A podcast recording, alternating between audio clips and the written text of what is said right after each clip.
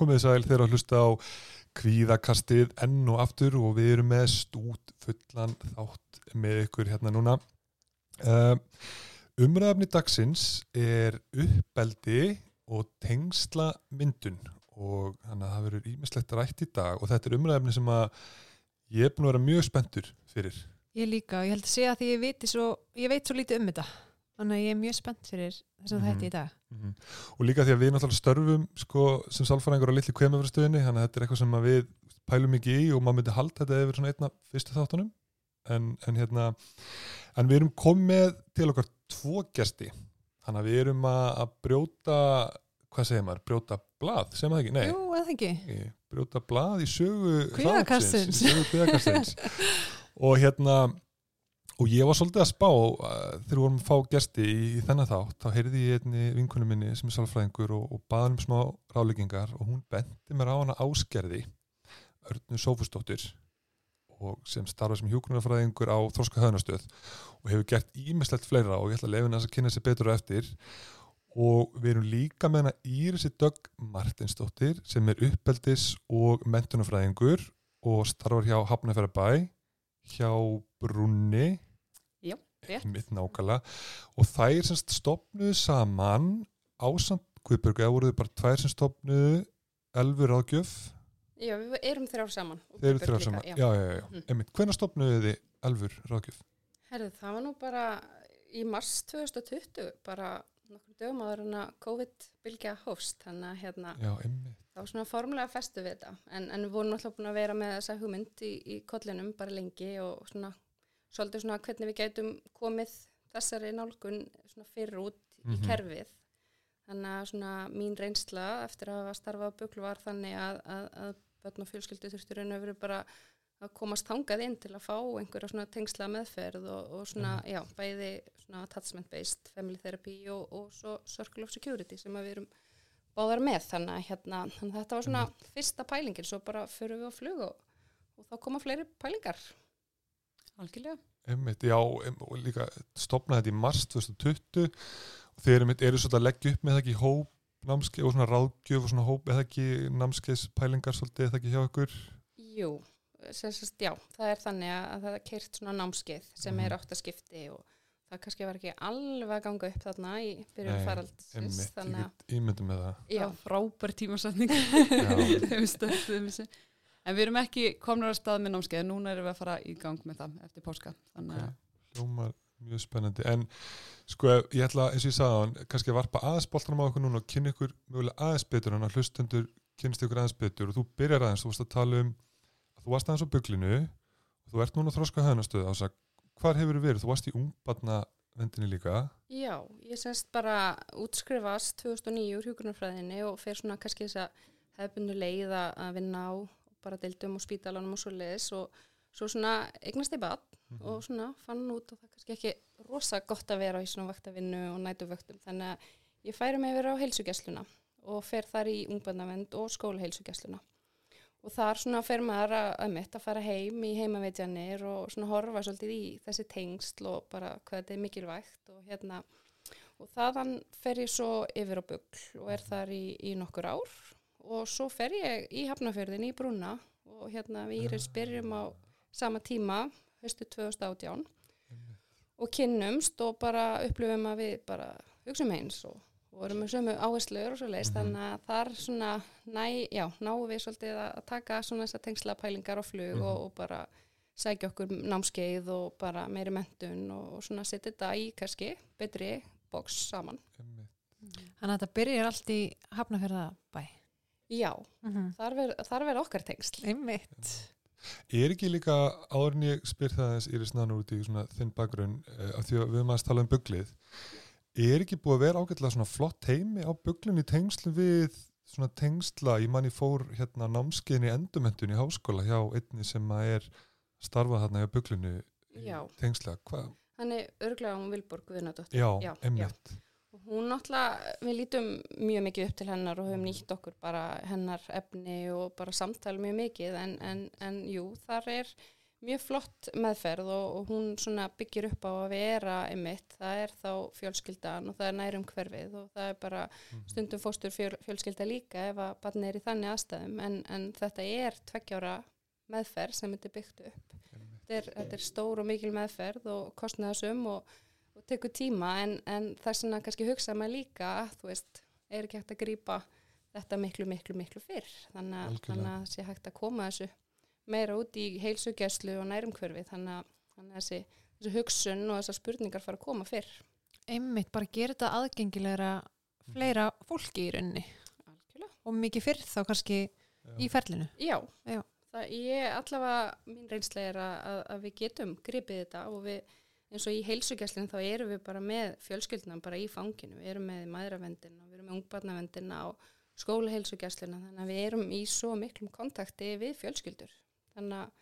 þannig að þetta er svona eitthvað sem að vonandi fer af stað. Mhm. Það eru mikla breytingar í vændum, Spennandi. alls staðar, uh, er það ekki? Ég held Já. Engin lög og Það er einhverju að Einmitt. Hljóma spennandi. En ef við snúum að þér, Íris, þú getur aðeins kynnt þig nánar. Já, ég hérna eh, sem sagt fyrir félagsráðgjöf Mhm. eh, og, og lík grunnámi þar er síðan í, í línu sem að heitir sálfræði innan uppbyldis og mentunarfræðana og, og hérna þar var áhersla lögð á áhættu högðun uh, forvarnir og lífs, lífsín hjá börnum og unglingum sem var alveg bara virkilega, virkilega skemmtilegt og áhugavert nám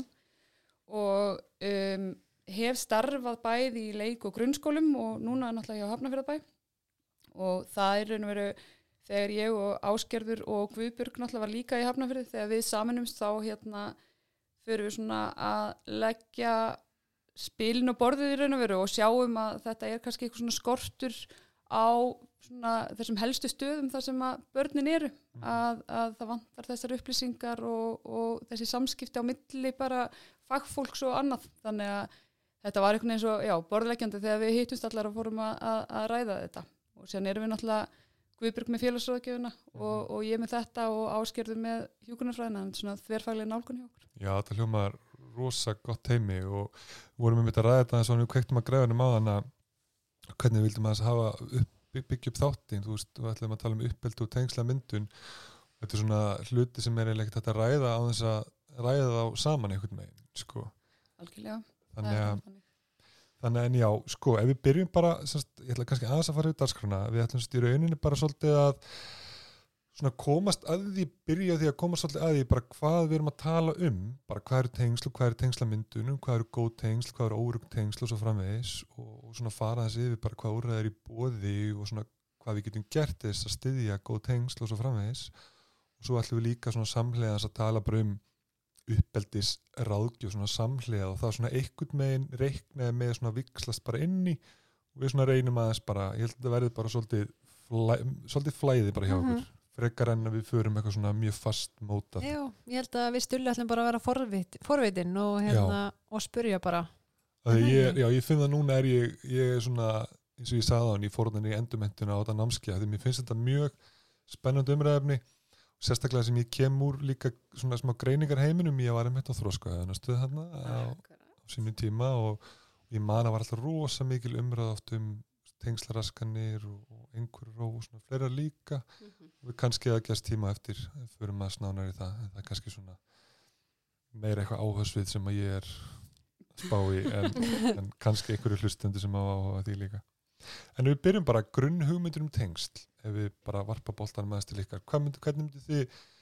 útskýra bara tengsl og tengslamyndun svona almennt séð bara hjá barni og fóreldrum og um önnunar aðlum og fólk sem kemur að börnum í allir vinnu og bara umhverjunni Já,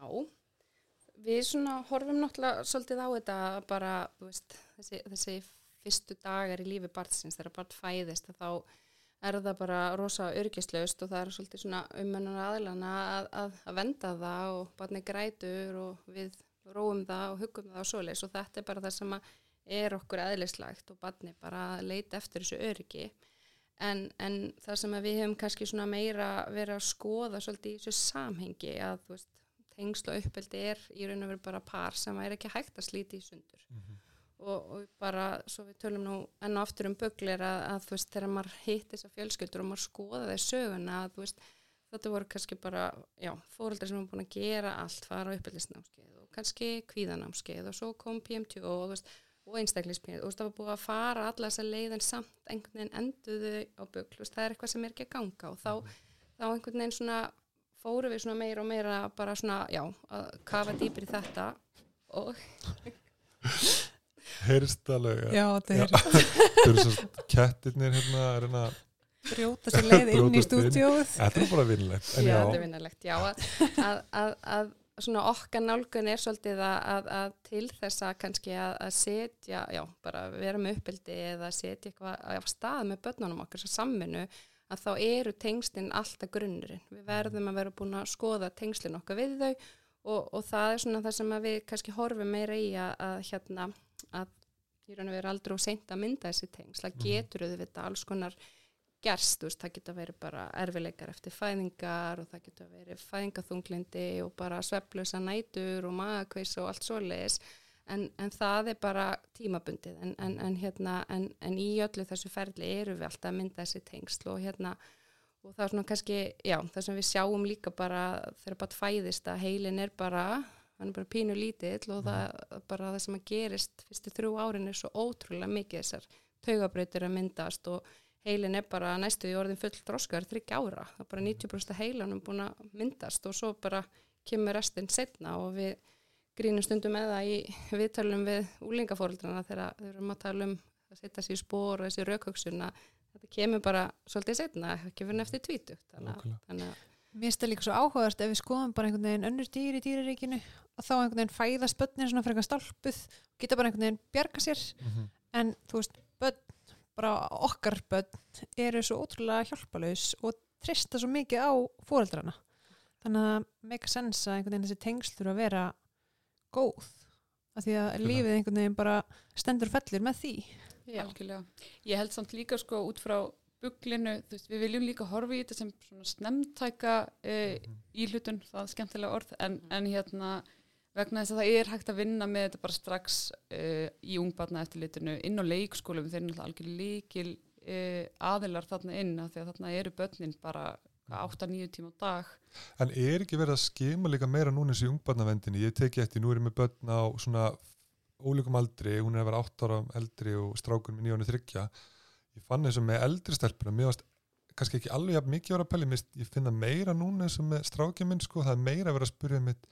hvernig úst, mömmunni líður og svona meira að vera að grípa hana og þá náttúrulega hugsa með sér, náttúrulega klálega þannig líka tengslinn, ef að henni líður betur, þá er betri tengsl og svona. Þannig er ekki alveg búið að vera að jáka þróun eins og í ungbarnavendinni að þau erum að tala um þessa snemtöku ílutun sem þú minnist á. Er ekki alveg verið að pæla meir í þessu núna í dag? Jú, það er bara sem betur fer staðan þannig að það er meira spurt um þetta og það er svona fastir skimunarlistar eitthvað svo leis en, en það er líka spurning, þú veist, uh, ef að kannski mömmu líður ekki vel, hvernig líður pappa þeir Já, kannski já, pínu já. út undan í þessu af því það er svo mikilvægt í þessu að ef, að, ef það kemur eitthvað upp á annar fóreldri nær kannski ekki vera til staðar að þá er það hitt fóreldri sem að reynir líka meira á eða að það getur verið ömmur og afar og bara fyllt af ummunaðilum en, rannsóknir sína okkur líka að bara það að spurjum þessar hluti það er bara, það lætur manni líða betur og það er hjálplegt, það er ekki alltaf að vera eitthvað rosa úrræði, ok, þú tekkar hér, herðu þá fyrir að bygglista hérna heldur bara þetta samtali eins og þú lýsir að það, Mhm. það gerir ótrúlega mikið Einmitt. og maður verður bara með þetta um að það skiptir máli.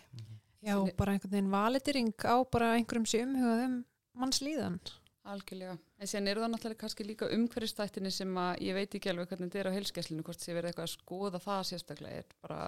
móðir með áfallarsögu eða, fa- þú veist, eða hitt fóreldri með uh, áfallarsögu eða uh, hvernig er bara uh, í hvað hverfi búið þau, þú veist, uh, búið þau við fátækt, þú veist, þannig að það eru svo margir þættir sem geta farið að hafa áhrif á tengslamyndun bara út frá streitu og fleiru þannig að það er kannski líka þætti sem þarf svona sérstaklega að fara að skoða e, eða allavega að tikka í bóksin hjá þessum fagaðalum sem er að vinna með foreldra með þessi yngstu einmitt.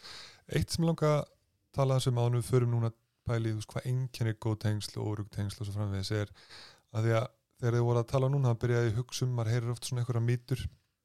um alls konar varandi tengsl og svona og ég fæ ofta tilfinningunni sem er foreldra kemur eitthvað svona svona ótti við að og maður heyrir þetta oft líka í svona einhvern fyrirlesturum eitthvað svona að það er ekki búin að myndast eitthvað tengsl þegar batnið er orðið fjögur að fimm ára og þá er maður búin að missa af lestinni og eitthvað svoleiðis. Hvað myndu þið segja við fóreldrar sem að eru mögulega kannski að hlusta og hugsa með sér að ég var ekki nóg mikið til stað þegar batnið var ynga eða þú veist ungt Þetta er allt í Já. þið eru ekki búin að missa af lestinni. Ég held sko að hérna bara, ég hef svona mikið áhuga á fóreldrum og samfélagsmiðlum Mhm. og hérna, það er alltaf verið að segja okkur við sem að klúra ykkur. Það er bara einhvern veginn sama hvaða miðl þú opnar þá er það bara einhver ákveðin uppbylsaðferð og, og ef þú ert ekki að fylgja henni frá A til Ö Mhm. og ert á fullu uh, svona einhvern veginn uh, en þú sést ekki í þessu þá ertu búin að klúðra uppbyldi barnana þina og, og einhvern veginn það er verið að ala á svo miklu samviskupiti hjá fóröldur sem hefur síðan neikvæð áhrif á tengslinn sko. þannig að þetta er ekki alveg við erum svo mikið að tala oft um börn og, og samfélagsmiðla en við gleymum kannski fóreldrunum í þessu hlutverki. En hérna Það er þetta mjög góða punktur Já, að því að þú veist, og kannski sérstaklega eins og inn á Instagram og svona, þú veist, það er bara það er bara fullt sem er gott og það er hægt að beita alls konar uppbylsaðferðum og þær vinna kannski bara svolítið vel saman, sko, þannig að e, við erum ekkit sérstaklega mikið að eðilegja bönnun okkar. Og ef við erum rosa fylgja mörgum e, á samfélagsmiðlum sem að eru að vinna með og svona, það segir okkur bara við erum svolítið mikið að reyna að sangaða okkur upplýsingum og gera vel. Og þá hljótu við vera bara að tikka í ansi mörg bóks sko. þannig að ég held að bara pressan á fóreldra sé alveg eiginlega bara úþólandi sko. Þannig að jú, þið megi gera mistök við gerum öll mistök, það er engin 100% í sínu uppeldi eða e, bara í lífinu sko, þannig að hérna e, það er alveg hægt að vinna með þess að þætti og það er hægt að, að bæta í alls konar og, og það er ekkert, það er ekki búið að eðilegja neitt. Mér finnst, sko, nú einmitt starfum maður sem fæðali í, í svona þessum pælingum og, og eins og þú talar um þessi samanburður og samfélagsmiðlar og ég held, sko, ég veit alveg að maður er alltaf að gera sitt besta en ég held, ég finn þetta alveg sjálfur. Maður hugsa oft svona, áhöru, nú er ég búin að bara klúra þessu, nú er ég búin að missa þessar lest, þetta er svo fyndið, þetta er einhvern veginn bara stöðugt, sko. Akkurat. eitt sem ég langar að minnast á ein svona míti viðbót sem ég greip að því að ásafannast að tala einn áðan með þú veist, þessi tengsl er svo mikilvæg þeir eru ung og bara taka upp og, bara, og allt þetta, þessi nánd og allt það. Um, og þá byrjaði ég að hugsa um sko, það er líka oft þessi svona talað um að börnin eigi bara grátað af sér og eitthvað svona harkað af sér við erum að kenna þeim að svona einhvern veginn að róa sér sjálf og þessar pælingar sem við tölum stundum um uppeldispælingum sko hvað myndu þið segja? Nú finnst mér umræðan orðinu meiri dag að þú veist, við eigum bara svolítið að taka þau og valita eða líður illa. Hvað myndu þið segja við, við þessum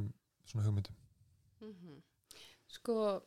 þegar eins og við tölum á þegar barn fæðist, þá bara hérna, er það óraugt og það grætur og það er að búa til þessi streitu hormón og það er í raun og veru svona þessi reynsla sem mótar bara heilans og, og bara hvernig þau koma svo af út í lífið. Þannig að, hérna, þannig að í raun og veru þegar barn fæðist þá kann það ekki róa sér sjálft og við þurfum að hemja tilfinningar og líðan fyrir þau og kenna þeim þannig. Þannig að Þannig að svona okkar nálgun er svolítið meira þannig að, að við séum með þeim í aðstæðum, við erum að sjá þau og við erum bara að láta þau vita, við erum hér til staðar og við ætlum ekki að horfa undan og við ætlum ekki að, að fara. Og svona það er svona svolítið líka þessi tengslapælingi gegnum Circle of Security að, að við erum að, að kenna fóreldrum að, að vera til staðar og, og þegar þau fara og explora heiminn og koma tilbaka, kannski brotin eða hrætta, þá eru við alltaf að taka á móti þeim alveg sama þó gangi vel eða illa. Þannig að, þannig að svona okkar stefna er meira þannig að, að, að hérna, vera með þeim í erfileikunum, séum ekki að leifa þeim að, já, láta þau bara gráta þetta af sér og harka af sér og svo leiðis en, en hérna, en, en já þetta er svona, við förum svona mjög hægt og rólega í þetta í námskeiðinu. Þannig að hérna, og, og við leifum öllum skoðunum og, og svona pælingum að koma og við þurfum að ræða þær og bara, já, þú veist, hvaðan kemur þetta og og þetta fer svolítið líka í það að við skoðum okkar grunn, veist, hvernig voru við að leina upp, hvernig, hvert leitu við ef við duttum og mittum okkur, var einhver sem að tóka mót okkur með faðminn Mhm. eða áttu við bara, suss, þá ekki gráta að halda áfram. Já. Þannig að þetta er svolítið líka okkar passion að, að, að hérna, þegar við fáum fóruldra á stofun til okkar að þá tökum við barnið aðeins út fyrir og við bara förum svolítið í kortlegninguna með fóruldrum og hvernig voru fólkdra þínir og samskipt og tengsl innan þeirra fjölskyldu. Já, mér þetta mitt áhugavert sem fæðaleg maður spyr, þegar maður byrjar að spyrja fóreldrana, hvernig voru ykkar sambund við þína fóreldra, þá oft svona kemur fóreldra svona fáta eitthvað með já, býtu emmitt, já, hvernig eða hvernig var samband ykkar fóreldra eða hvernig komið þau fram við ykkur, það er oft svona finnst alltaf áður vinkill Já. með það, en eitt sem ég langaði það að við höldum aðeins áfram, og kannski við skýta þess þarna inn. Já. það er svo eðlilegt einhvern veginn að hérna, að fóreldra sækja bara sinn reynslu heim. Og ef að þau voru einhvern veginn og komið fram með þá einhvern ákveðin hátt í uppeldinu þá kunna þeir kannski ekkit eitthvað, eitthvað annað. Þannig að það er líka bara einhvern veginn svo validirandi að heyra, herði, ok, skiljanlega ert þú að hegða þig svona í uppeldinu og svo getur maður líka einhvern veginn brotið kannski upp hennar vítarhing að því hérna ertu komin og við ætlum að skoða þetta saman. Já. þannig að mér alveg svona mm Og þetta snýst svolítið um það allavega okkar vinna er einmitt þessi kortlegning eins og áskilur að segja að hérna uh, að fá fóreldra með í þessa vinnu að spekla uppeldi sitt yfir í, í uppeldis aðferði sínar og um, að einmitt brjóta niður og kannski líka svona viðurkenna og þegar það er komið þá erum við komin allavega hálfa leiðin í að stöðva þennan kynnslóðaflutninga að það er það sem við erum líka að horfa upp á. Við erum kannski bara að fá veist, margar kynnslóðir sem að hafa verið að ganga alltaf í gegnum það sama en bara enginn gripið það og það er kannski það sem við þurfum líka að horfa í ungbarn eftirlitunum bara hvernig er þessi staða, grunnstaðan hvernig þurfum við að styðja við þessa fóreldra þannig ég held að þess vegna erum við að horfa í snemntakt Já, og þetta held ég að sé bara ótrúlega mikilvæg vinna. Ég er bara, mér finnst þetta svo áhugavert Er að heyra sko? þetta sko. en sko ef við, að því að við erum að ef við pælum að síðan með tengslinu eins og við erum að tala um aðan góð og, og órug tengsl og svona og við erum að tala um að kortleika líka við erum búin að nota það orðalega svolítið mikið. Ef við fáum fóreldrar til okkar og ætlum að fara að kortleika og ætlum að meta og því ég held að sé engin líka sem aldrei sagt eitthvað svona já ég er bara með ókslega góð tengsl í börnum mín eða ég nú er ég með órug tengsl. Ég held að sé alltaf eitthvað svona lína væntalega myndi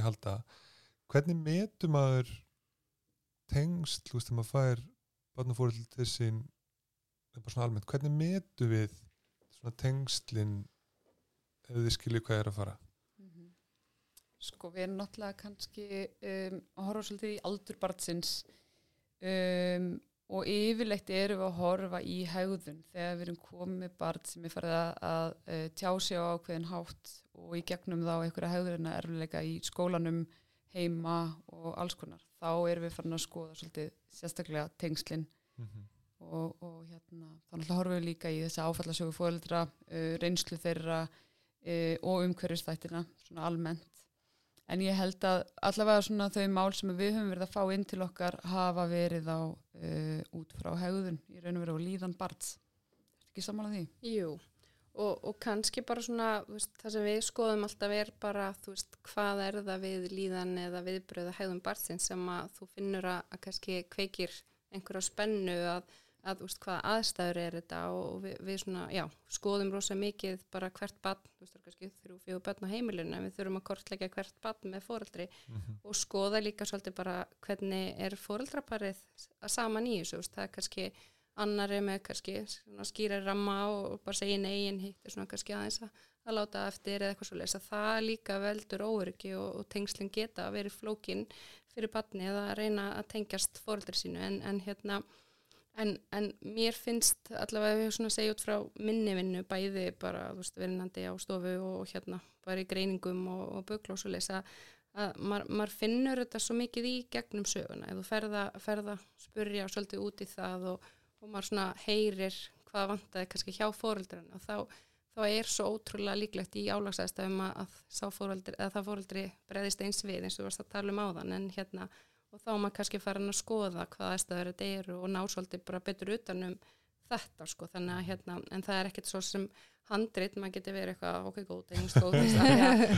að, því að stundum eru bara börnum manns alveg ótrúlega erfið og maður bara öskar óvart og, og hérna Mhm. skerir alltaf vitlega sem maður ætlaði ekki að gera. En, en, en við erum líka vinnur og sem mikið með þú veist hvað gerum við við það? Að svona, já, þessi, þessi rupture and repair, þú veist, við þurfum hvernig ætlum við að vinna með það þegar við gerum mistökin og í raun og veru læra börnun okkar svo ótrúlega mikið gegnum okkar mistök þegar við gerum mistökin, hvernig bregðust við þau? Þannig að, þannig að það er eitt hluti af námskjöðun okkar að, að kenna fóreldrum og umunnaðalum hvað við gerum með það. Þegar við, við missum okkur í álægin og gerum það sem við ætlum ekki að gera. bara þessi mildi, við verðum líka að vera í mýktinni kakvart okkur sjálfum. Og við Mhm. verðum að foreldrar líka verða að fara veist, við missum alveg, við reynum að halda tilfinningastjórn við gerum það öll og við erum flest að reyna alltaf okkar besta. Síðan bara missum við tökin og, og jafnvelstjórn og hérna það er, það er vesen, veist, það er leðilegt og við fáum móral og svona og við förum bara upp tilfinningakúrfina og förum sér um brjálaðan bömmir Mhm. en við gerum þetta öll þannig að við verðum að vera mjúk við okkur og í mildina því annars erum við bara gangandi samviskupið og þá bara endur tekur þetta sig. Þú veist að þegar við erum þá bara alltaf að, að fara í sama þegar við erum alltaf í einhverju svona tilfinningalegu uppnámi yfir viðbröðum okkar. Þannig að Já. er alveg þá stór hluturinni að því við vorum að tala núna um þannig sig hvað við getum gert einhvern veginn sem fóreldri að, til þess að ítundi tengsl að þau eru að tala núna að vera fyrirmynd. Er ekki svolítið þá að því við, við tölum um uppeldis aðferður oft og ráðgjöf mér veist oft, mjög oft svona rauði þráðurinn þar að vera veist, þessi fyrirmyndar faktor sko. Og einmitt sína sér mildi og allt það þannig að það er greinlega svona stór partur af svona nálgun þegar við erum að vinna með tengsl. Og væntalega horfa svolítið inn á við sem foreldri og, og algjörlega, hvernig við erum sem fyrirmyndir fyrir börnin og, og allt það. Algjörlega. Og, og kannski líkill í þessu er að við vitum og þekkjum hvað það er sem að triggerur okkur. Og, og það er einhvers vinna sem við förum alveg svolítið þjætt í með fóreldrum að við erum að við teiknum við upp ring og, og uh, fóreldra setja inn í hvaða tilfinningar það eru eða hvaða hegðun hjá barninu það er sem að bara þau kipa sér ekki upp við eða sína jákvæð viðbröð, hvað er svona aðeins fyrir utan það, hvað svona trublar þau aðeins og af hverju það er, síðan er þessi rauða sem við, við tölum um svona uh, hegðun eða viðþorf barna sem að ítir undir svona hákarla tónlist sem að við notum í, í tala um bara durum, durum það bara spennist við öll og förum alveg í hérna uh, streitun okkar og Mhm. tilfinningaviðbröðin Það má líka nota baby shark hlæð af því að fólk eru bara svipa pyrrandi Nei, en þá reynum við svona að hjálpa fóreldrum að, að uh, setja í raun og veru uh, kortleggja hvaða hvaða aðstæður, hvaða hegðun það er Einmitt. sem að er að trubla þau. Það er mjög oft hortu heitt til dæmis sem að ég bara skil af því að það er mjög leðilegt þegar maður er að alveg barn og síðan verður það rosa hortugt og maður krumpast allra innan einhvern veginn sem við þú veist sannlega bara mjög eðlilegt hjá okkur öllum af því við viljum, við erum alltaf með eitthvað svona væntingar til barnan okkar, við erum alltaf með eitthvað svona ég vil, ég með eitthvað ákveðna framtíðarsýn sem kemur bara unglingur en hann er bara rosa hortugur og með leðindi við. Þá er bara svo eðlilegt að við með krumpust á innan og förum í tilfinningarnar okkar. En ef við erum búin að kortleggja það ef við erum búin að finna út, heyri, það er þetta sem trubla mig, af hverju gera það? Og við förum í það og við svona uh, oftast förum alveg aftur í æskuna og bara já, heyrðu, einmitt, það var þarna. Og við vinnum með það. Og þá næst, og sérstaklega við erum búin að nefna hákallatónlistina og gæsáhúðin og spennuna í hrygnum og öxlarnum og kjálkanum og svona e, þegar það er komið, þá um leða barnið er hortugt, þá veit fóreldri hvað er að gerast, þá erum við búin að svissa í raun og veru svolítið. Frá tilfinningastjórnun í raukhugsun og það er bara, heyrði, ok, nú veit ég að þetta pyrra mig, ég ætla, ég ætla að takast á þetta á annan hátt, þannig að þetta er í raun og veru við erum smá endurstillingu einhvern veginn. Já, og geggja einhvern veginn að sko vita fyrirfram, bara já, þetta eru einkennin í líkamannum, þegar þetta verður á stað þá veit ég að ég er hérna að fara að bregðast við á óhefnilegan máta þannig að þá ætlum ég að vera á varbergi og kannski reyna að vanda mig ekstra mikið eða einmitt taka sjálfa mig í tæmátt inn í herbyggi og jafna mig og koma svo aftur inn í aðstöðnar Já, þetta er svona smá þegar við erum rosa oft erum að vinna með svona skap og sig á börnum þá erum alltaf að vinna með svona aha-skráningar við erum að kortleggja aðdraðanda hæðun og afleðingar þú svona við erum að gera þetta við okkur sjálf sem fóreldir er henni núna Mhm. af því að við erum svolítið að kortleggja hvað, hver aðdraðandi sem ítur undir þessa hæðun í okkur og svo afleðingarnar um leið og sagði væntingar og ég held að maður hugsi rosa lítið sem fóreldur um væntingar sem maður hefur til batana sinna. Maður hefur rosa mikla væntingar og ég finn það sjálfur ef ég er með eitthvað kerfi heima eða eitthvað og það er ekki að ganga nógu vel eða eitthvað. Ég finn alveg bara það hefur alveg mega áhrif sko. Þá er rosa erfitt að ná mann aftur tilbaka veginn í góðan gýr sko. Ég held að þetta sé rosa mikilvægt að bara fyrir mann að geta að tala um hvaða væntingum maður hefur eða bara setjast niður og pæli því sjálfur, ég held að maður gera það alls ekki nógu mikið sko Nei, alveg, alveg sammála sko og, þetta er einhvern veginn svona, já, maður finnur líka bara þú veist, það eru þessar kröfur og maður er alltaf svona að setja upp eitthvað plön og svo ganga þau ekki og, og mitt Mhm. lífið er bara þarna úti og það er allir á miljón og í vinnu og, þú veist, og einhvern veginn maður gefur sér aldrei svegur um að eitthvað svona, ok, auðvitað klúðrast þetta þú varst í vinnunni og svo fórstu þarna og þú ert í bekkjara og þið, maður er ekki nógu duglegur að tala svona við sjálfins eða því að maður er bara einhvern veginn, já, þetta gekk ekki upp ég ánú að geta þetta, þannig að já, já, Þannig að þetta er alveg helling sem að, einmitt, og bara einmitt eins og segir að tala um þetta við einhvern, bara herðu, ég er bara úkslega léli í þessu en góð í þessu. Og, og maður svona átti sig líka bara á sínum styrkleikum og hvað á ég erfiðast með. Og svo er annað líka púst svolítið bara á móti makanum kannski er ég svona í uppeldinu og hann öðruvísi og það getur alveg stundum verið smá konflikt, einmitt samspilið þarna milli Já, og maður er með þetta augnaráð bara í Mm. aðstæðunum bara okkur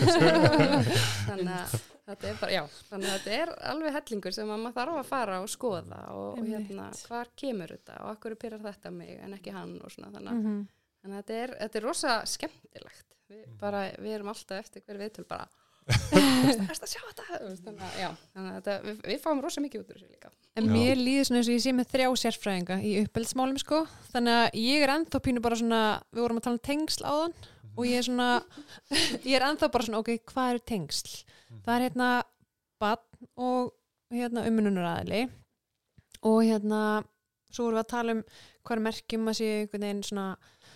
verri tengsl eða þannig og þá var Íris að tala um og það geti byrst í hegðun badsins þannig að nú er ég kannski að spá bara þú veist, hvernig er einhver svona ummerki eða eitthvað sem á að vera að fylgjast með hjá krökkum sem gætu gefið svona vísbendingur um að það séu kannski ekki nægilega góð tengsl við um umunaræðala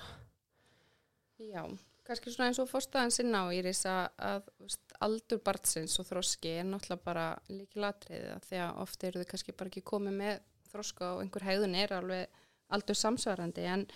e, e, já, ég heyri þetta svo oft hjá hérna e, sálfræðingur sem ég vinn með sem að hérna segja alltaf já, þú veist, ég hérna var alltaf að fara eftir atverðlismótun og þessu og svo eignast ég batn og þá bara ok mm -hmm. þetta er ekki alveg ganga. Þannig að hérna, þannig að þetta er, þetta er já, þetta er önnur reynsla. En hérna, en, en mér finnst svona þú veist, þið þekkir náttúrulega þessar rannsóknir sem að voru gerðar að þegar móðir fyrir með batnin í herbyggið og kemur einhver ókunnur og hún fer og, og það sem hefur verið að horfa náttúrulega í þar er svolítið bara viðbröðu batsins þegar mamma kemur aftur þannig að hérna, þannig að við sjáum sko e, svolítið líka bara, þú veist, við erum ekki alltaf að tala um einhverja rosalega mikla vannrækslu eða einhverja erfiða viðburði inn á heimilinu. Þetta er kannski, kannski verið að svona hunsa þessi, þessi, já, þessar vísbendingar eða þessi tengl sem að börnin eru alltaf að reyna að ná til okkar að kannski eru við upptekinn og eins og tölum um samfélagsmiðla, við erum kannski bara, það er eitthvað annað sem trublar okkur að, að þá fara börnstundum að, að hérna, þú veist, þau átt að segja, ok, þú veist, fólkdur mitt bregst ekki við þessu, þá annarkort bara hætta þau eða þau fara að bara íkja þessa hegðun, bara einmitt veist, til að ná meira að tekla og svolítist. Þannig, að- þannig að við sjáum svolítið svona, já, þú veist, í raun og verið eins og þau fyrir minna leikskólana, þú veist, þá er þetta bara alls konar, þú veist, það er börn sem að láta lítið færa fyrir sér og það eru kannski þessu börn sem er líka falin, þú veist, þau, þau dempa sína tilfinningar og allir ekki láta neitt sjá sig, en, en það þarf að finna þessu börn líka. Þannig að, þannig að já, Við sjáum þetta kannski líka bara um, ef að starfsfólk til dæmis í leikskólum þekkir vel til hvað við erum að tala um þá eru svo mikil samskipt oft bara í fataklifa þegar fóreldrar eru að koma með barnið, er að sækja það, hvernig bregst barnið við þegar það er að sækja það? Þá erum við ekki að tala um ef að barn hleypur ekki fagnandi til fóreldra sinna þegar það er í lego eða eitthvað að það sé bara, heyrðu, nú erum við að tala um vanda. Er ekki þannig, en ef við erum að sjá ítrekkað um, fóreldri er kannski ekki að kveðja það almennilega eða þú veist það er eitthvað svona um, það er óöryggi í samskiptunum það er, fóreldri er svona kannski ábyrjandi ekki að veita skjól þannig að, veist, þannig að það er eitthvað neginn svona ákveð rofi í þessum tengslum. Og ég held að það sé það sem við erum að óskæfti kannski að fagfólk sé með svona auga á og, og, og hafa hluti. þekkingu á þessu. En hérna e, síðan bara getur alveg komið upp aðstæður þar sem að fóreldrar eru bara í góðum samskiptu við börnin sín og það eru bara góð tengsl en síðan verður einhver atbyrður í fjölskyldinni skilnaði til dæmis eða, eða uh, döðsfall eða eitthvað. Og þá getur alveg komið einhvers konar róf, það getur alveg uh, komið smá högg á tengslinn og það er bara eitthvað sem gerist. Og það er þá einmitt svo mikilvægt að fagfólki sem er að vinna með börnin sé upplýst um slíkt. Þannig að það sé hægt að styðja þá sérstaklega við börnin á meðan að það er eitthvað svona ástand í fjölskyldunni. Þannig að þetta er alveg En- þetta er alls konar. En er það ekki oft, eins og þú lýsir einmitt, allt þarna mjög áherslu sem þú segja og ég tók þarna eftir og svo tala með að verður og ég hafði reyndar ekki hugsað þannig. Ég sé alltaf fyrir mig tengslamyndun eða kemur eitthvað svona vandi þá er það eitthvað sem hefur mótast mjög snemma. En eins og þú segir við skilnað eða eitthvað fleira að þá myndast náttúrulega ákveði róf hérna í samskiptum. Og ég held að oft foreldrar upplifi að þú veist, ef að samskiptin kannski hjá barninu mann spyrir að vera meira öðru megin hjá hinu foreldrinu að þá myndast eitthvað svona ákveði róf þið vitið. Og þau, þau líður örglega eins og þau séu bara að missa barnið sitt svolítið, þú veist, og tengslinn og það. Hvernig getur sá aðili sá mununæðilega einhvern veginn reynd að sporna gegn því, þú veist, að því að svona fyrstu viðbröðin eru hjá manni að fara bara einhvern veginn í vörð, þú veist, og hvað væri svona heppilegast? Það er náttúrulega það sem við erum að tala um að skoða eins af hverju þetta er að trubla þig. Hvaða áhyggjur er þetta? Er þetta er komið nýr aðilun og heitt heimili sem er að trubla þig sérstaklega? Eða þú veist þetta, þetta snýst um að fóreldrar ná að staldra við og, og rýna í eigin viðbröð af hverju eru þessi viðbröð að koma? Og, og hérna e, auðvitað er bara afbreyðsemi og alls konar sem getur poppað upp og það er bara eðlilegt. En, en hérna þetta er eitthvað sem að, einmitt, getur gerst þegar fólkdur er að skilja, þetta getur líka gerst þegar krakkar er þetta á unglingsárin þegar þau fara bara að leita í þessa félagslegu hérna, virkni og þroskast með jafnöldrum og svona að foreldrar upplifa höfnun og fara í eitthvað svona tilfinningalegt uppnáma þegar barnið er aldrei heima og fyrir að taka þá umræðu mjög hátt og, og mikið. Eitthvað svona, já þú ert nú aldrei til staðar þegar við viljum eiga einhverja samveru með þér, þú veist og, og einhvern veginn þá fara samskiptin að verða mjög svona hlaðinn og barnin er miklu minna að koma heim. Þá getur alveg komið rof líka. Þannig að þetta er við, við fullorðna fólki þurfum að taka ábyrð og hugsa af hverju er þetta að trubla mig Er þetta ekki mjög algengt svo að lýsa núna? Að einmitt úlingsárin og, og allt bara akkurat það sem þú varst að segja núna. Ég held að það sé örglega bara mjög Jú, ég held það. Og þetta er lítið talað um þetta held ég af því að sko uh, barn, sko unglingar hafna fóreldrum sínum svolítið, eðlilega við Já. bara nennum þeim ekkert, þetta er bara einhvern veginn Jesus, glata fólki, já, tvo unglingar sko glata leið einhvern veginn og, og þau eru bara svo mikið í þessum félagslegu tengslum og þroskast þar og svona og hérna uh, það er vondið fóreldrar alltaf að upplifa það persónulega, þú veist, ef við ætlum að upplifa þroskaferli barnan okkur á persónulegan þá verðum við eitthvað neins svona staldra við. En þetta er algengt. Já, mér finnst líka, ég er að spá í því þú nefndi döðsfull líka áðan, þannig að ef að annað fóreldri kannski deyr og það verður einhver svona róf milli batsins og fóreldrisins sem lifir, er það einhvern veginn tækla öðruvísi heldur en það sem þið voruð að lýsa? Sko það er, já, þú veist, eins og við okkar einsla er að, að þá er náttúrulega bara meðan þessi atbyrður er að, já, að ganga yfir og all, allir þessi erfileikar þá er kannski lítið ekkert að gera annað en að vera bara til staðar og, og halda utanum alla. En, en við sjáum svona kannski reynsla líka í okkar svona málavinnslu að, að, þú veist hvað gerist svo kannski hálfa ári og einu ári og mörgum árum eftir að við sjáum að, að mér finnst allavega kannski það er svolítið svona þungin þegar þetta er í gangi og svona allir að koma saman en, en við sjáum eins og mikið úlinga sem hafa kannski mist annað fóldrisetti voru kannski 6-7 ára þau eru bara að sirkja og þetta er bara virkilega stórt áfalli þeirra lífi. Og við kannski fullanna fólki erum kannski fljótari ákveða já, þetta er svo langt síðan, þetta er búið og svona þannig en, en þetta er ekkert búið þetta er alltaf til staðar. Þannig að Þannig að, þannig að eðlilega verður eitthvað rof á milli eins og sagðir fóröldisins sem að lendi líka í þessu en, en hérna en við sjáum alveg að, að, að veist, það er svo mikið öðru fólki veist, það eru oftast einhver aðri í kringum sem að grípa svolítið þetta moment þannig að þau ekki geta leita til annara líka En það er eftirleikurinn þá. Já, það er svolítið það. að Það er komin dempun í áfallið og, og svona daglegt líf tekið við og veist, þessi, þetta hálfa árið eða hvað við tölum um þá er líkillin í að, að grípa og, og styðja þá við fóreldra en mér finnst einhvern veginn svona nú er ég bara að fabulera ég er ekki með neitt sem að styður þessi orð mín en ég, samt svona mín tilfinning er að, að hérna,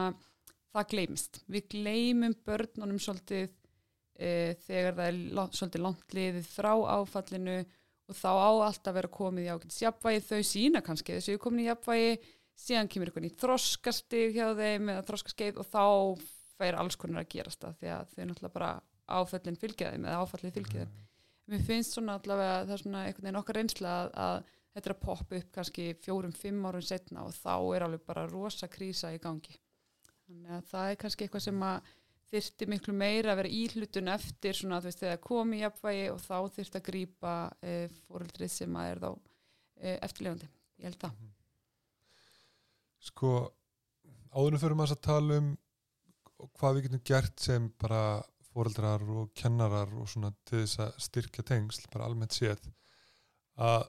mér var svo gaman í þessu að tala um áðan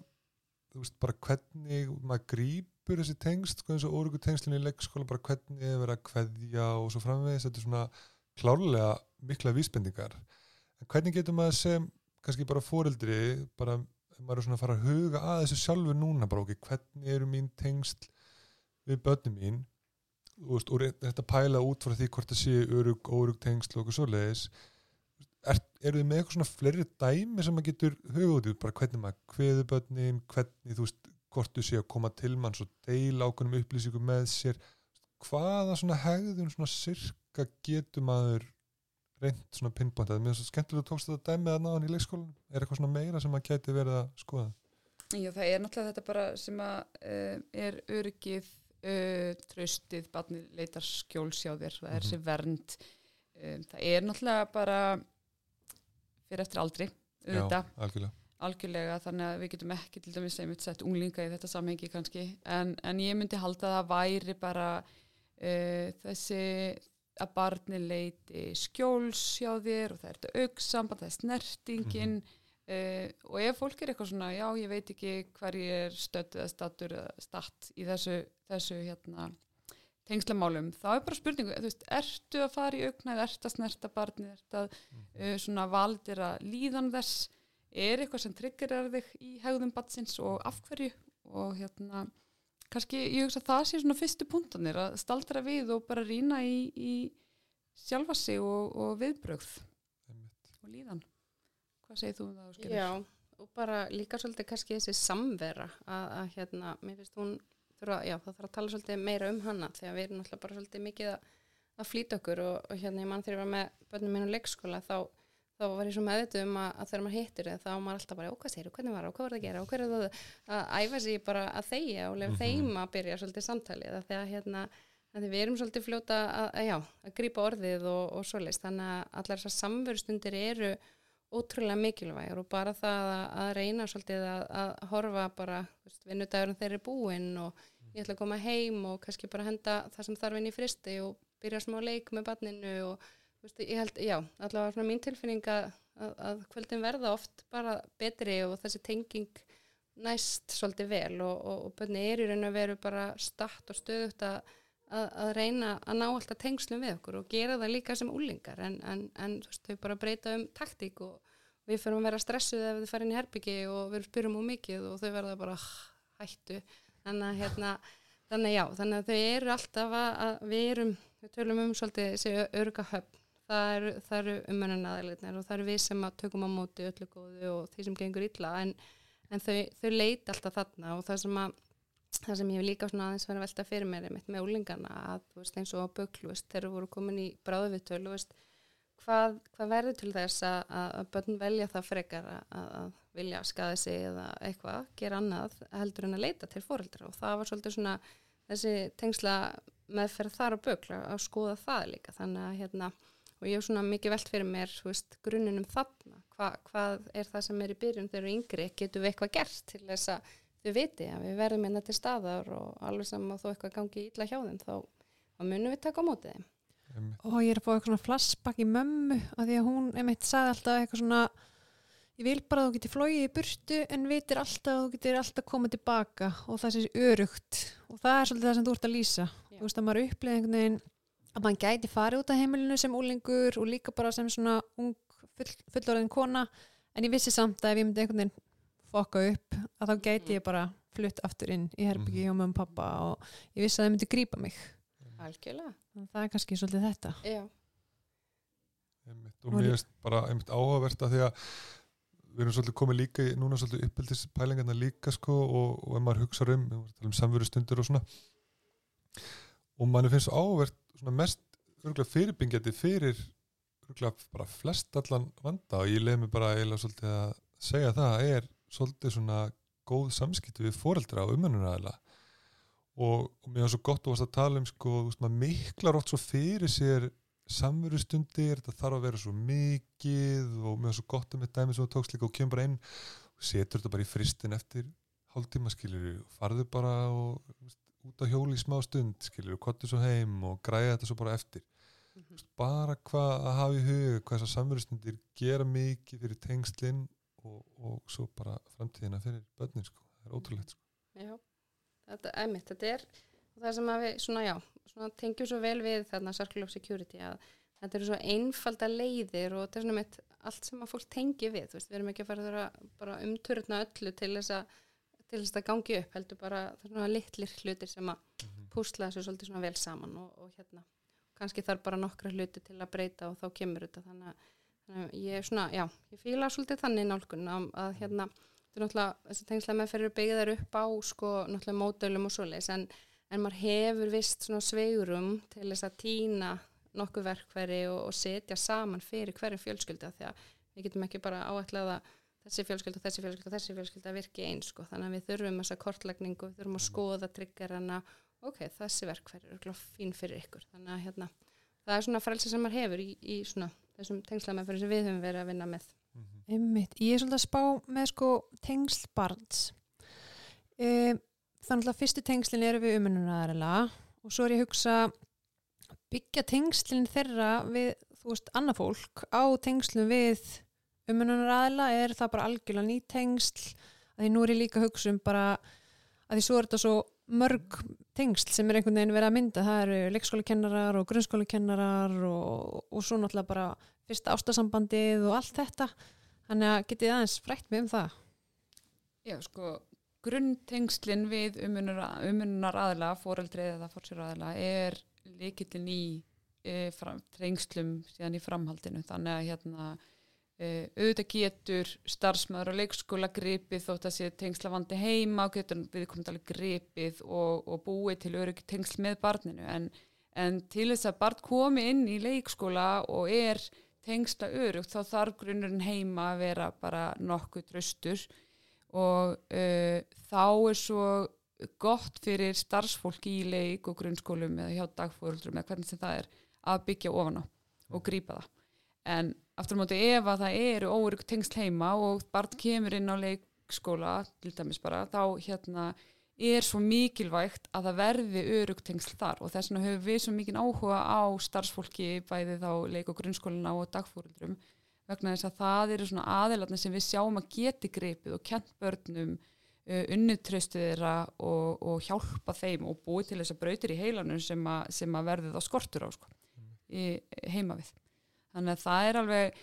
grunntengslinn við umununar aðeins er alveg líkil en það er hægt að vinna með það sagt, í leikskólum og, og svona. Áhagvert, ég hafði ekki hugsað þetta akkurat svona, þú veist, þetta er náttúrulega mjög, náttúrulega mjög vítt orð þegar hugtak tengsl, þetta er náttúrulega mjög slungi orð sko, mér finnst mjög áhugaverð nálgun sem að Kata var að segja mitt sko, þú veist, byggja maður ekki svolítið ofan á þetta mitt, mér finnst áhugaverð nálgunin. Og ef að ég er kannski með óurug tengsl við mitt fóreldri og fess svo í ástasamband sem úlingur, er þá líklegt að það verði óurug tengsl líka eða, eða getur það bara verið mjög örug tengsl? Sko ég held að þetta snúist svolítið um uh, aðstæður heimafyrir, þú veist, mm. óurugt tengsl og svona tengsla vandi verður oft út af bara vannrækslu og öðru, þannig að það er alveg bara ítrekkað sem þörfum barnsins er ekki synd þannig að það lærir bara að heimurinn er ekki örugu staður og það treystir ekki fólki og þetta eru börnin sem kom oft inn í leikskólana og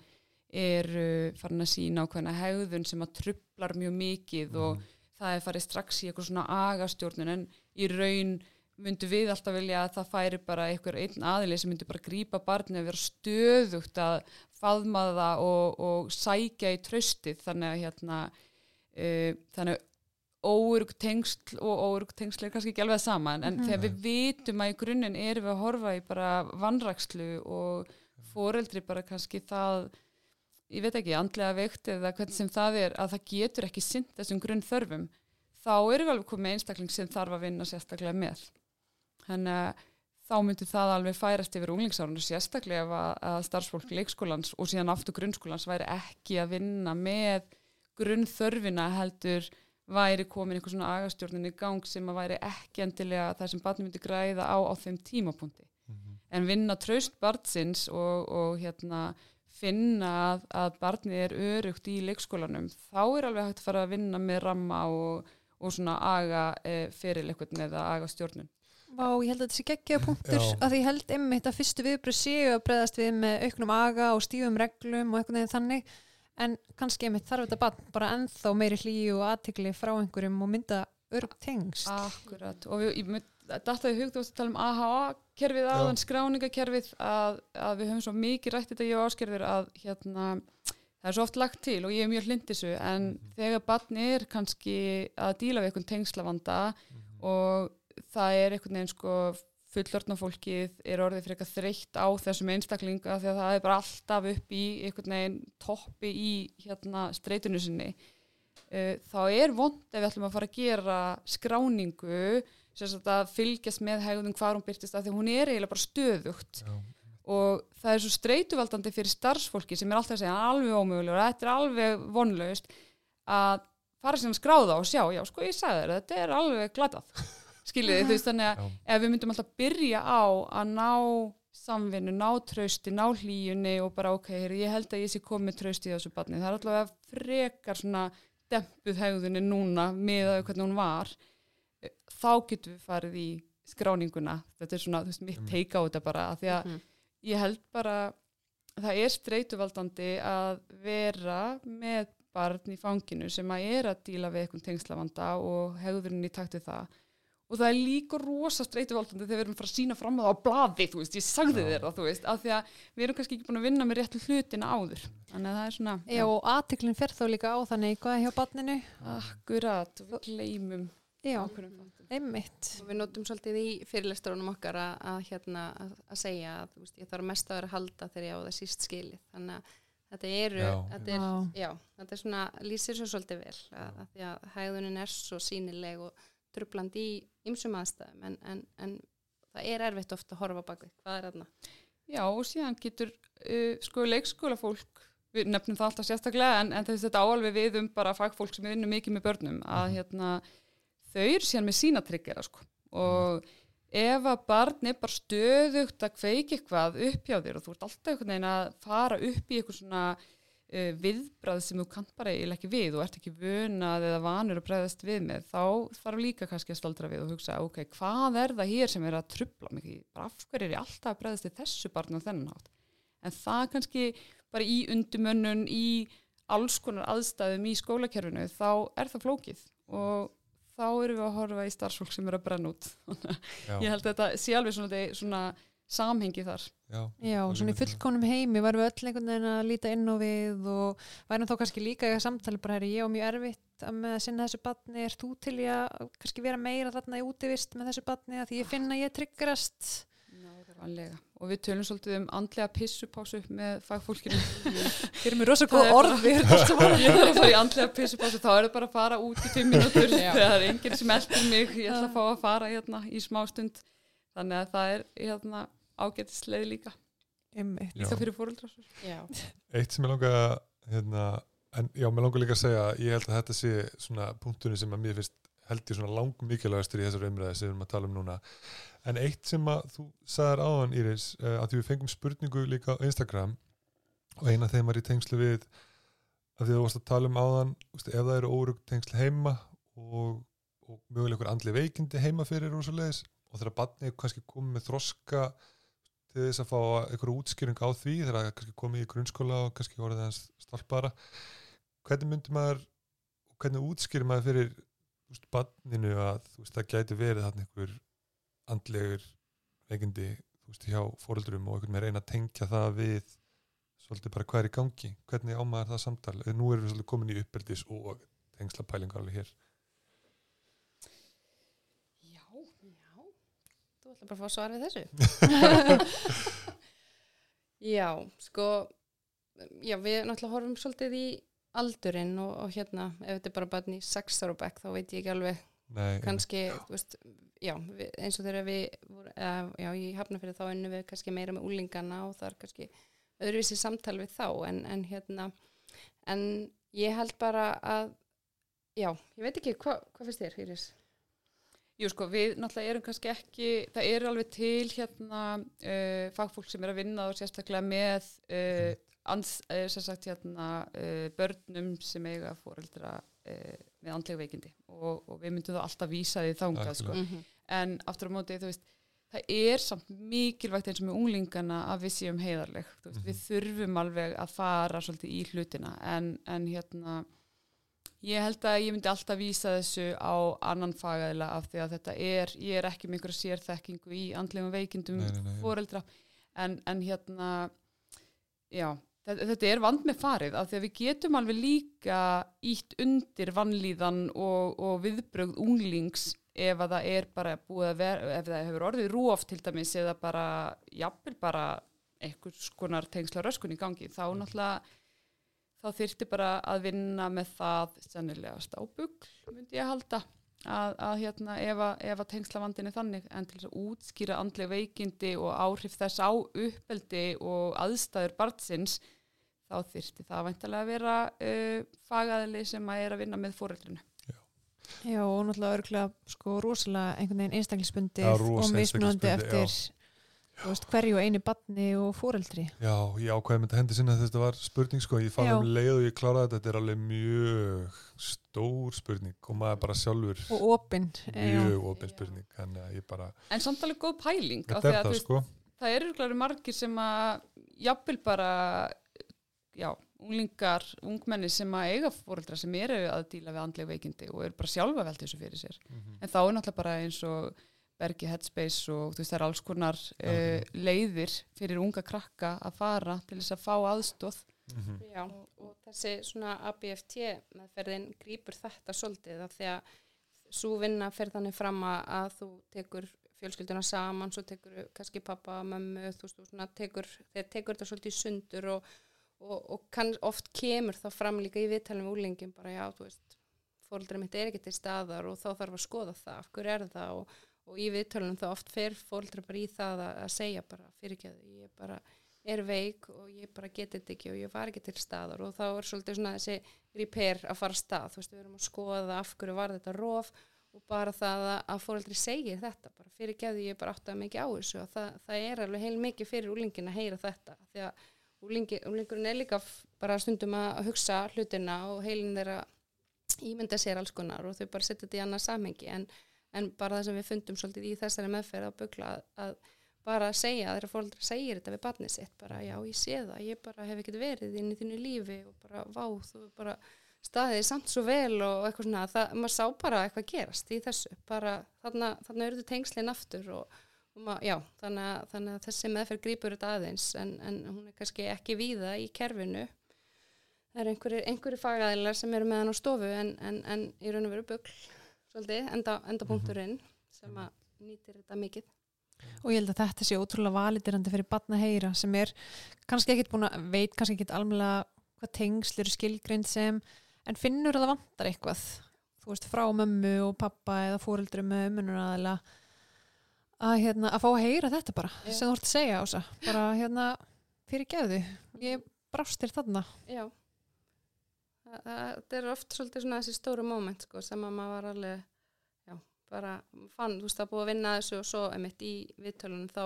undirbúið við úlingin og, og hérna og við vitum svona stýrum þessu aðeins en, en svo koma bara, þú veist, ég heyri að þetta er eitthvað erfitt fyrir þig, þú veist, er eitthvað sem mamma, mamma geti sagt þig meira frá og þá svona náum við svolítið að, að hérna grípa þetta. En, en, en oft var þetta bara svona stór hluti af meðferðinni að, að hérna, að fóra að ganga betur og hérna og mér finnst þetta alveg, alveg, já, mjög gott hérna, meðferðartæki til að einhvern veginn að grípa þetta. Og er einhvern tímann þannig að það er bara ekki hægt að laga tengsl? Þetta er bara einhvern veginn koma á þannig stað að það er bara ekki ekki hægt að, að, að gera eitthvað meira? Ég veit þetta er kannski Sko- svona Ég held bara aftur við skoðum heimilisaðstæður. Já. eh, ef við erum að tala um kannski bara barn sem hefur búið við ofbeldi uh, í langan tíma og eh, er kannski komið í fóstur. Það er alltaf hægt að vinna með eitthvað en við sjáum að staðan er bara þannig að það næst ekki ákveðin árangur með þá fóreldra þá fyrir fókusin náttúrulega bara sérstaklega á fósturfóreldrana og barnið og skóla umhverfið og reynum að grípa það þar. Og auðvitað er alltaf hægt að vinna með börnin og það er alltaf hægt að búa til brautir og, og, og nálgast það þannig. En, en það er mjög mikilvægt að vera líka fyrir og skver gagvart barninu ef að við sjáum að það er ekki náttúrulega árangur með fóreldrana þá verðum við að horfa í aðra átt og reyna þar að ná uh, tengingu og, og tengslum þannig að barnið fer alltaf hægt að vinna þar en, en síðan er það bara staða fóreldra kannski. Já, og hugsa bara einmitt hvað er best fyrir barnið út frá bara þeim spilum sem því var útlitað við Ah. fæðingu. Rætt, ég held að það sé bara alltaf líkillin og við verðum bara uh, líka út frá bara nýjum lögum, farsaldarlögunum, þá þau snúast um bara barnið er í miðjunni og við fullorðna fólkið sem að gleymum stundum að þetta snýst um börnin, þá hérna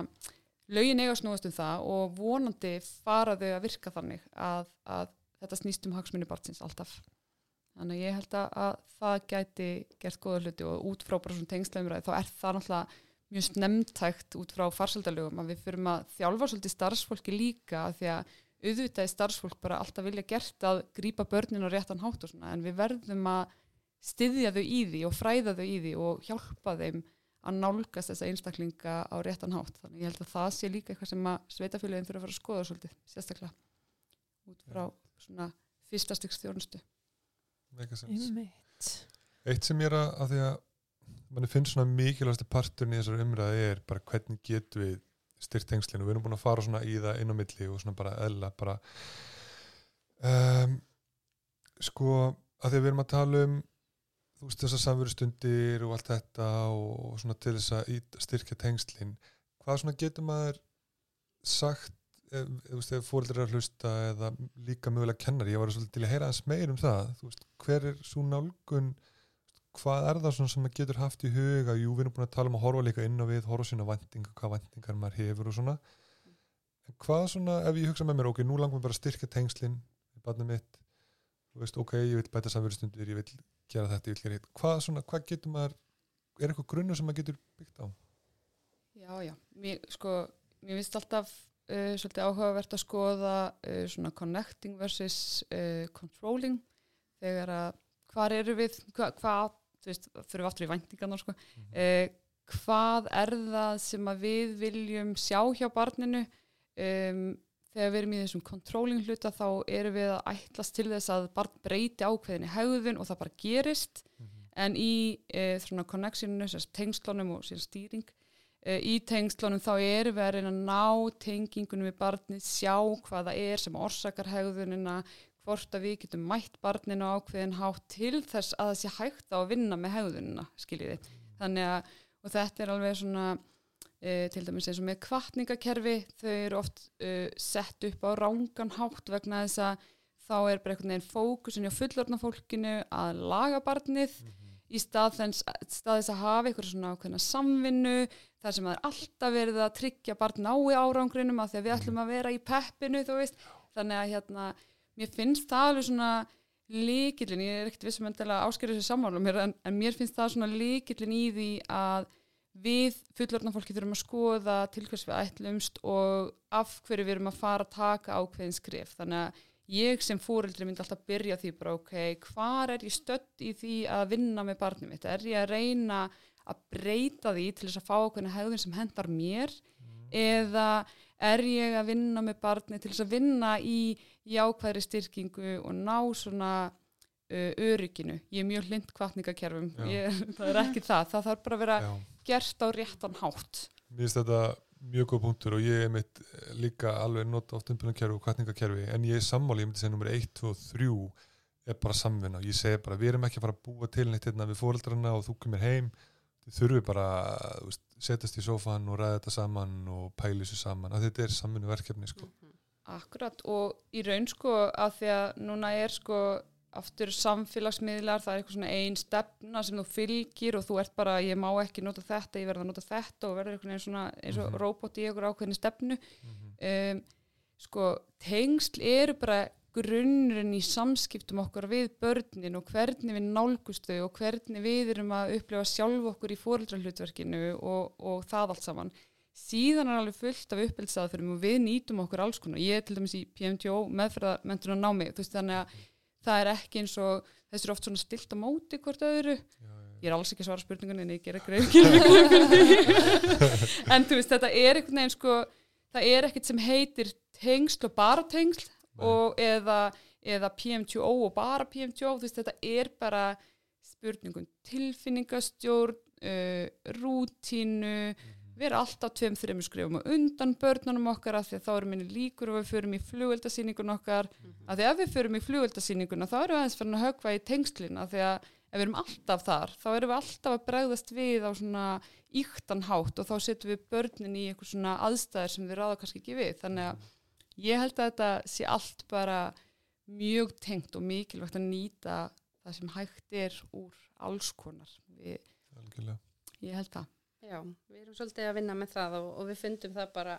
hvað, einmitt, þessi tengsla hugsun og, og, og PMT og þau bara talar og svo vel saman og hérna, og það, eins og segir, það bara, við týnum þetta til það sem þarf. En af því að sko, ef maður hugsaður einmitt um grunninn í PMT, þú veist, það er verið að tala um einmitt kvartningakerfin, það er verið að tala um skýru fyrirmælin og allt þetta, þessu svona uppeldisráðgjöfin í því og, og svona. Og ef maður pælir í því í tengslu við sko tengslin, í tengslu við tengslin eins og maður segir, að hérna þetta er náttúrulega nátengt, maður hugsa með sér. Ef það eru, þú veist, þessi rútinur og reglur heima, það eru skýr fyrirmæli það er, þú veist, mögulega kvartningakerfi, við viljum sjá okkur að hegðun þetta hlýtur bara íta undir góð tengsl myndi maður halda, þú veist, bara góðar uppeldis aðferðir bara íta undir góð tengsl, er það ekki bara svolítið rauðið þráðurinn og verið mitt fyrirmyndin og allt þetta og væntingar sem við höfum sjálf mér staðið með það sem við erum búin að læra núna í dag sérstaklega er hvaða væntingar ég hef, ég svo mikið að setjast niður sjálfur eða, ræða við eitthvað um þær sko, ég finn það alveg. Já, og það er, þú veist, væntingastjórnun er bara út um allt, við þurfum að vera með væntingastjórnun skjólstæðingum okkar og út í, þú veist, út í almennum vinnur bara, gagnvart samstarfsfólki og, og síðan er gagnvart börnunum okkar, af því að við erum alltaf með ykkur hugmyndir, en, en jú, þetta er nátengt, uh, PMTO og tengsl og örgulega aðrar uppeldisaðferðir Já, og, og tengsl, ég er bara sérstaklega hrifin af PMTO-nu, en hérna, af því að PMTO, þú veist, þegar þú ert í skýrum fyrirmælum þá ert þú með stjórnina og þú ert með tilfinningastjórn og ert ekki fara í einhverja flugveldasýningu og það er alltaf verið að tala um uh, þessi uh, jákvæðu samveru sem við viljum sérstaklega fóreldra leggja mikið í. Og, og það er í raun og veru alltaf endurinn á kvartningakerfinu, þú veist, umbunin er jákvæð samvera og virku samskiptin og þú veist þannig að í raun og veru er þetta allt saman uh, helst þetta mjög vel í hendur. En þú getur rugglað í öllum uppbyldisaðferðum þú getur klúðrað öllum uppbyldisaðferðum með því að fara mjög ykt inn í þær eða mjög skakt inn í þær og gera kvartningakerfið mitt kannski ekki alveg rétt og vera með einhverju svona væntingar til barnsins sem eru óraunhæfar og fleira. Þannig að þá erum við komin í, með högg í tengslin ef þú ert að fara að gera óraunhæfa kröfur á börnin e, ítrekkað Mér finnst líka svo gott og að hérna Ása var að segja á þann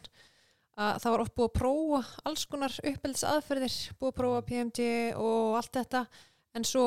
voru tengslinn rótin. Þannig að þú getur greinilega samt verið að nota góður uppeldis aðferðir en samt verið með slem tengsl. Þannig að þetta hljómar einhvern veginn eins og þetta sé eitthvað samverkandi. Já, það er það potið en sko getur verið að nýta uppeldis aðferðir rétt ef þú ert ekki með góð tengsl? Mm. Já, Ég hugsa ekki sko, ef þú ert Mhm. í, með órygg tengslu barni þá ertu kannski ekki endilega með tilfinningastjórn þegar þú ert að fara að setja fram skýr fyrirmæli eða eitthvað. Þannig ég hugsa þetta sé alveg svona í, í báður áttir sko. Já, að það er mjög áhugaverið Hvernig sko. er jafnvægið þitt þegar þú ferð inn í einhver ákveðin uppbyldsvaðferð? mm Já, og eins og þú segir bara er ég að fara inn í hana á réttan máta eða nýtan á réttan hátt Akkurat, ert að fara, ert að, fara að veist, Mhm. af því að það er svo erfitt eða er, hver er tilgangurinn sko. mm við vorum aðeins að spá líka sko, með hvort að við getum tekið smá af því að sko ykkar við höfum svolítið verið að tala um circle of secure sagt, uh, parroting, er ég ekki að segja þetta rétt og svo líka Circle of Secure, Security in the Classroom, segir maður það ekki? Jú, Já, já. Getið aðeins farið við það og þetta er í rauninni þá ákveðin nálgun í, svona í þessu ef ég er að skilja getið aðeins farið við þetta með Já, þetta er bara hugmyndafræði sem sagt, Circle Mhm. of Security sem að er hérna e, bandarísk og er tengsla miður sem sagt og það er foreldra e, hluti og við síðan fórum á e, skólahluta sem er classroom og þar er verið að horfa í, í hérna starfsfólk sem vinnur með börnum, starfsfólk leik og grunnskóla en við erum líka yfirferð á dagforeldra. Ég ætla að leifa svona áskerða að fara yfir þetta eins. Já, takk fyrir það. Hérna, e, já, þetta snýst svolítið kannski bara um að, að kenna fóröldurum að þekka þessa tengsla þarfir og, og svona eins og vorum að tala um að, að, að hvað er hérna á baku þessa hegðuna því að, því svona mín tilfinning er svolítið að við erum alltaf bregðast við fyrst þegar það er eitthvað að þegar hegðun er án erfið eða úlingurinn tekur ekki upp og gengur frá eftir sig, þú veist, þá þú veist, já, hvað er að gerast þarna áður þannig að, hérna, þannig að þetta er ótrúlega einfalt og þetta er svona kent þannig að við horfum á myndband með fóruldrum eða, eða starfsfólki í skóla eða dagfóruldra og, og erum alltaf að rýna í það sem við sjáum og við erum líka að spegla kannist við eitthvað, hvernig var þetta ykkar uppeldi þannig að við erum alltaf að færa þetta svolítið svona á fóruldrana til þess að þeir geti kannski skoðað betur barnið sitt. Þannig að þau séu svona að yfirfæra þetta í sínar aðstæður. En, en og þarna eru einmitt öll þessi hugtök sem við erum að tala um að, að hérna, úst, já, hvað gerum við þegar við gerum mistökin, hvernig fyllum við okkar tilfinningatang, hvernig getum við verið betur til staðar, þannig að áherslan er á okkur fóreldrana og, og það er í raun og verið bara svolítið svona einmitt að yfirfæra þetta umönnaðilar yfir á, á hvað umönnaðilar er í lífi barnsins, þannig að, þannig að þetta er, þetta er opaslega, já, þetta er svona, svona forvarnar, já, námskeið og, og, og pínu skrítið að, að, að þetta sé með, já, til á, á bugl að maður fái þetta og það, fóreldrar sem fara þar eru oft bara, "Ó, ég hefði þurft að fá þetta svo miklu, miklu fyrr. Þannig að hérna þannig að þetta er, þetta er einfalt og, og meikar rosa mikið sens, það er svolítið svona það sem við finnum að virkar veist, að því að hérna að því að fólk þarf að geta tengt við þetta og, og notað í, í bara daglegu amstri og álægi það er að allir eru að springa. Þá þarf þetta að grípa svolítið og, og þess vegna eru við með öll þessi hugtök, andlega pissuposa og hákallega tónlistin og það, maður þarf að grípa þessi orði í aðstæðanum það er ekkert að vera með eitthvað handbók og byrju kapli átta jábarni, veist, þannig, Nú ætlum ég að nota ABGF 20 Já, já. þannig að þetta er það sem að, svona já, úst, og eins og segi, þetta er bara svona hluti sem við nýtum með öðrum aðferðum en, en, en er svona grunnurinn eins og sagði að, að, að þessum tengslum og hérna og bara svona fyrir, þetta fari bara svona hægt og rólega yfir, bara alveg frá því bara fæðist, hvað gerist og, og svo getum við alveg yfirfært þó þetta sé svona meira miða fyrir yngri krakkana, það er alltaf hægt að yfirfæra þetta líka á tengslinn við úlingin. Vá, mér finnst eins og þetta ætti bara að vera aðgengilegt öllum bara allstar og mér finnst eiginlega magnað að maður bara læri þetta ekki sjálfur fyrr einhvern veginn. Já. En hvert getur maður þá, nú er ég að hugsa, ég myndi mér að maður vera að hlusta og maður er svona eitthvað, ok, ég held að sé óverku tengsl svona í gangi hjá mér og mínum börnum af því að, sko, ég persónlega ég myndi fá mál til mín og stofuna með eitthvað svona tengsla vanda, þú veist, ég get alveg, ég myndi mér, ég get komið með einhver innlegg alveg, en ég myndi ekki upplifa með alveg svona, já, hérna, tengsla vandi, ég ætla bara að tækla það, hvert getur maður bent fóröldurum á og mögulega kennurum og þau vilja líka fræðast betur. Sko það er náttúrulega uh, geðhilsu teimi, Já, hvað heit það, fjölskyldu, fjölskylduvend, geðhilsu temi fjölskylduvend það er innan sko heilsugjastlunar Mhm. og það er í raun og veru að, að, að, að vinna með fóreldra og kannski fóreldra sem eru í meiri áhættuhóp, þetta er ekki kannski þetta almenna. Og það er verið að vinna kannski með hérna uh, það, já, mæður eru á meðgönguvendin og þar, þar finnast þær og það er bara saga og það er kannski erfileikar eða nýslega fleira sem er að trubla þannig að það er bara gert þar á fyrra tengslamundun verði kannski flókin og þá er verið að grípa þær eða fóreldrarna strax en, og það er bara svona lill hluti sem fer þarna í gegn og, og ég veit að þær eru mjög áhuga samur um að, að vika svolítið út og, og þær fylgja held ég alveg upp eins og háls á cirka, þú veist og myndu vilja fylgja málunum lengur. En hérna, en við erum náttúrulega með þessi námskeið hjá okkur og það eru hérna einhverju fagaðilar sem eru með þetta út í, út í feltinu en, en draumurinn náttúrulega er kannski að, að grípa þetta í ungbarnavend eða, eða maðuravend eða veist, að koma þessu einhvers staðar á kort annar staðar sko. Já, þetta fólk þurfi ekki að leita til enga aðeila, það er bara, það er asnalegt eiginlega, þú veist, við erum að tala um eitthvað svona uh, frum, uh, já, svona grunntengsl og eitthvað sem ásast stað bara frá, í raun og veru bara frá meðgöngu, hvernig ástandið er á, á, á viðkomandi uh, sem gengum með barnið. En ég held líka að, sko, já, við erum með þetta og við erum með skólanálkunni. Ég veit ekki til þess að sé einhverju aðrir búinir með klassrum hérna heima e, og það er bara svipur nálgun að, að veist, við erum að, að styðja við starfsfólkið í því að e, mæta barni og af rósend og, og virðingu og, og svona þekkja kjúin, lesa í hegðun hvað er það sem er ofta að sprengja skalan hjá börnunum en líka hvað er að sprengja skalan hjá þeim eins og það sem við erum bara búin að vera að fara yfir. Og við höfum alveg verið að uh, fókusa það á uh, starfsfólk sem að er þá með fagmentin, við höfum líka verið að taka stuðningsfulltrúana sérstaklega og ég held að það séu aðilarnir sem við myndum vilja fókusa kannski einna mest á af því að uh, hvar eru börnin svona yfirleitt að springa, það er í fríminutum, það er í matsalnum og ágöngunum, þar sem að eru stuðningsfulltrúarnir sem eru öll að vilja gerð en, en eru kannski ekki með verkfærin og þessi verkfæri eru ekki flókin, sko. þetta er raun og veru ekkert eitthvað svona sem að maður þarf að vera alveg bara með eitthvað svona mörg skref heldur, þetta snýst svo mikið um eigin tilfinningar og tilfinningakerfi þannig að við, ég veit ekki til þess að séu aðrir að vinna uh, með skólanum sérstaklega? Nei, ég hef ekki heyrt af því. En, en kannski líka má benda það að hérna þróska hæðnustu hefur alltaf verið með svona uppeldisnámskeið og, og það er svona farin af stað að vinna þar að aðeins að hérna endurskipaleggja það og setja svolítið tengslinn líka inn þar þannig að, þannig að þetta er svona eins og við tölum um bara tengist þannig að það er svona aðeins verið að uppdeita það efni. Ég held að það sé mjög sniðut að því að mjög svo áverð það sem Íris sagði áðan að ef það er ekki örg tengsl eða góð tengsl að einhverju leiti að þá er rosa erfitt að fara að byggja einhverju uppbyldisað fyrir ofan á eitthvað svona sem er ekki alveg almennilegt í staðin og þegar. Þá er örgulega svo gott að bæta því inn í af því að þessu uppbyldisnámski eru miklu meira aðgengilega í dag heldur en tengslanálganir að það sé hægt að bæta því inn held að það sé alveg krúsjál sko. Algjörlega sammála því. Algjörlega. Erum við með eitthvað meira? Er eitthvað sem að ykkur finnst við ekki að fara yfir? Kata, ert þú með eitthvað spurningar? Nei, ég er bara góð sko, en ef það er eitthvað sem þið viljið bæta við þá Ný, örglega, ég veit ekki tölum úr einu í annað sko þannig að hérna, já ég held að, held að ekkert sem að, sem að við vorum að lista.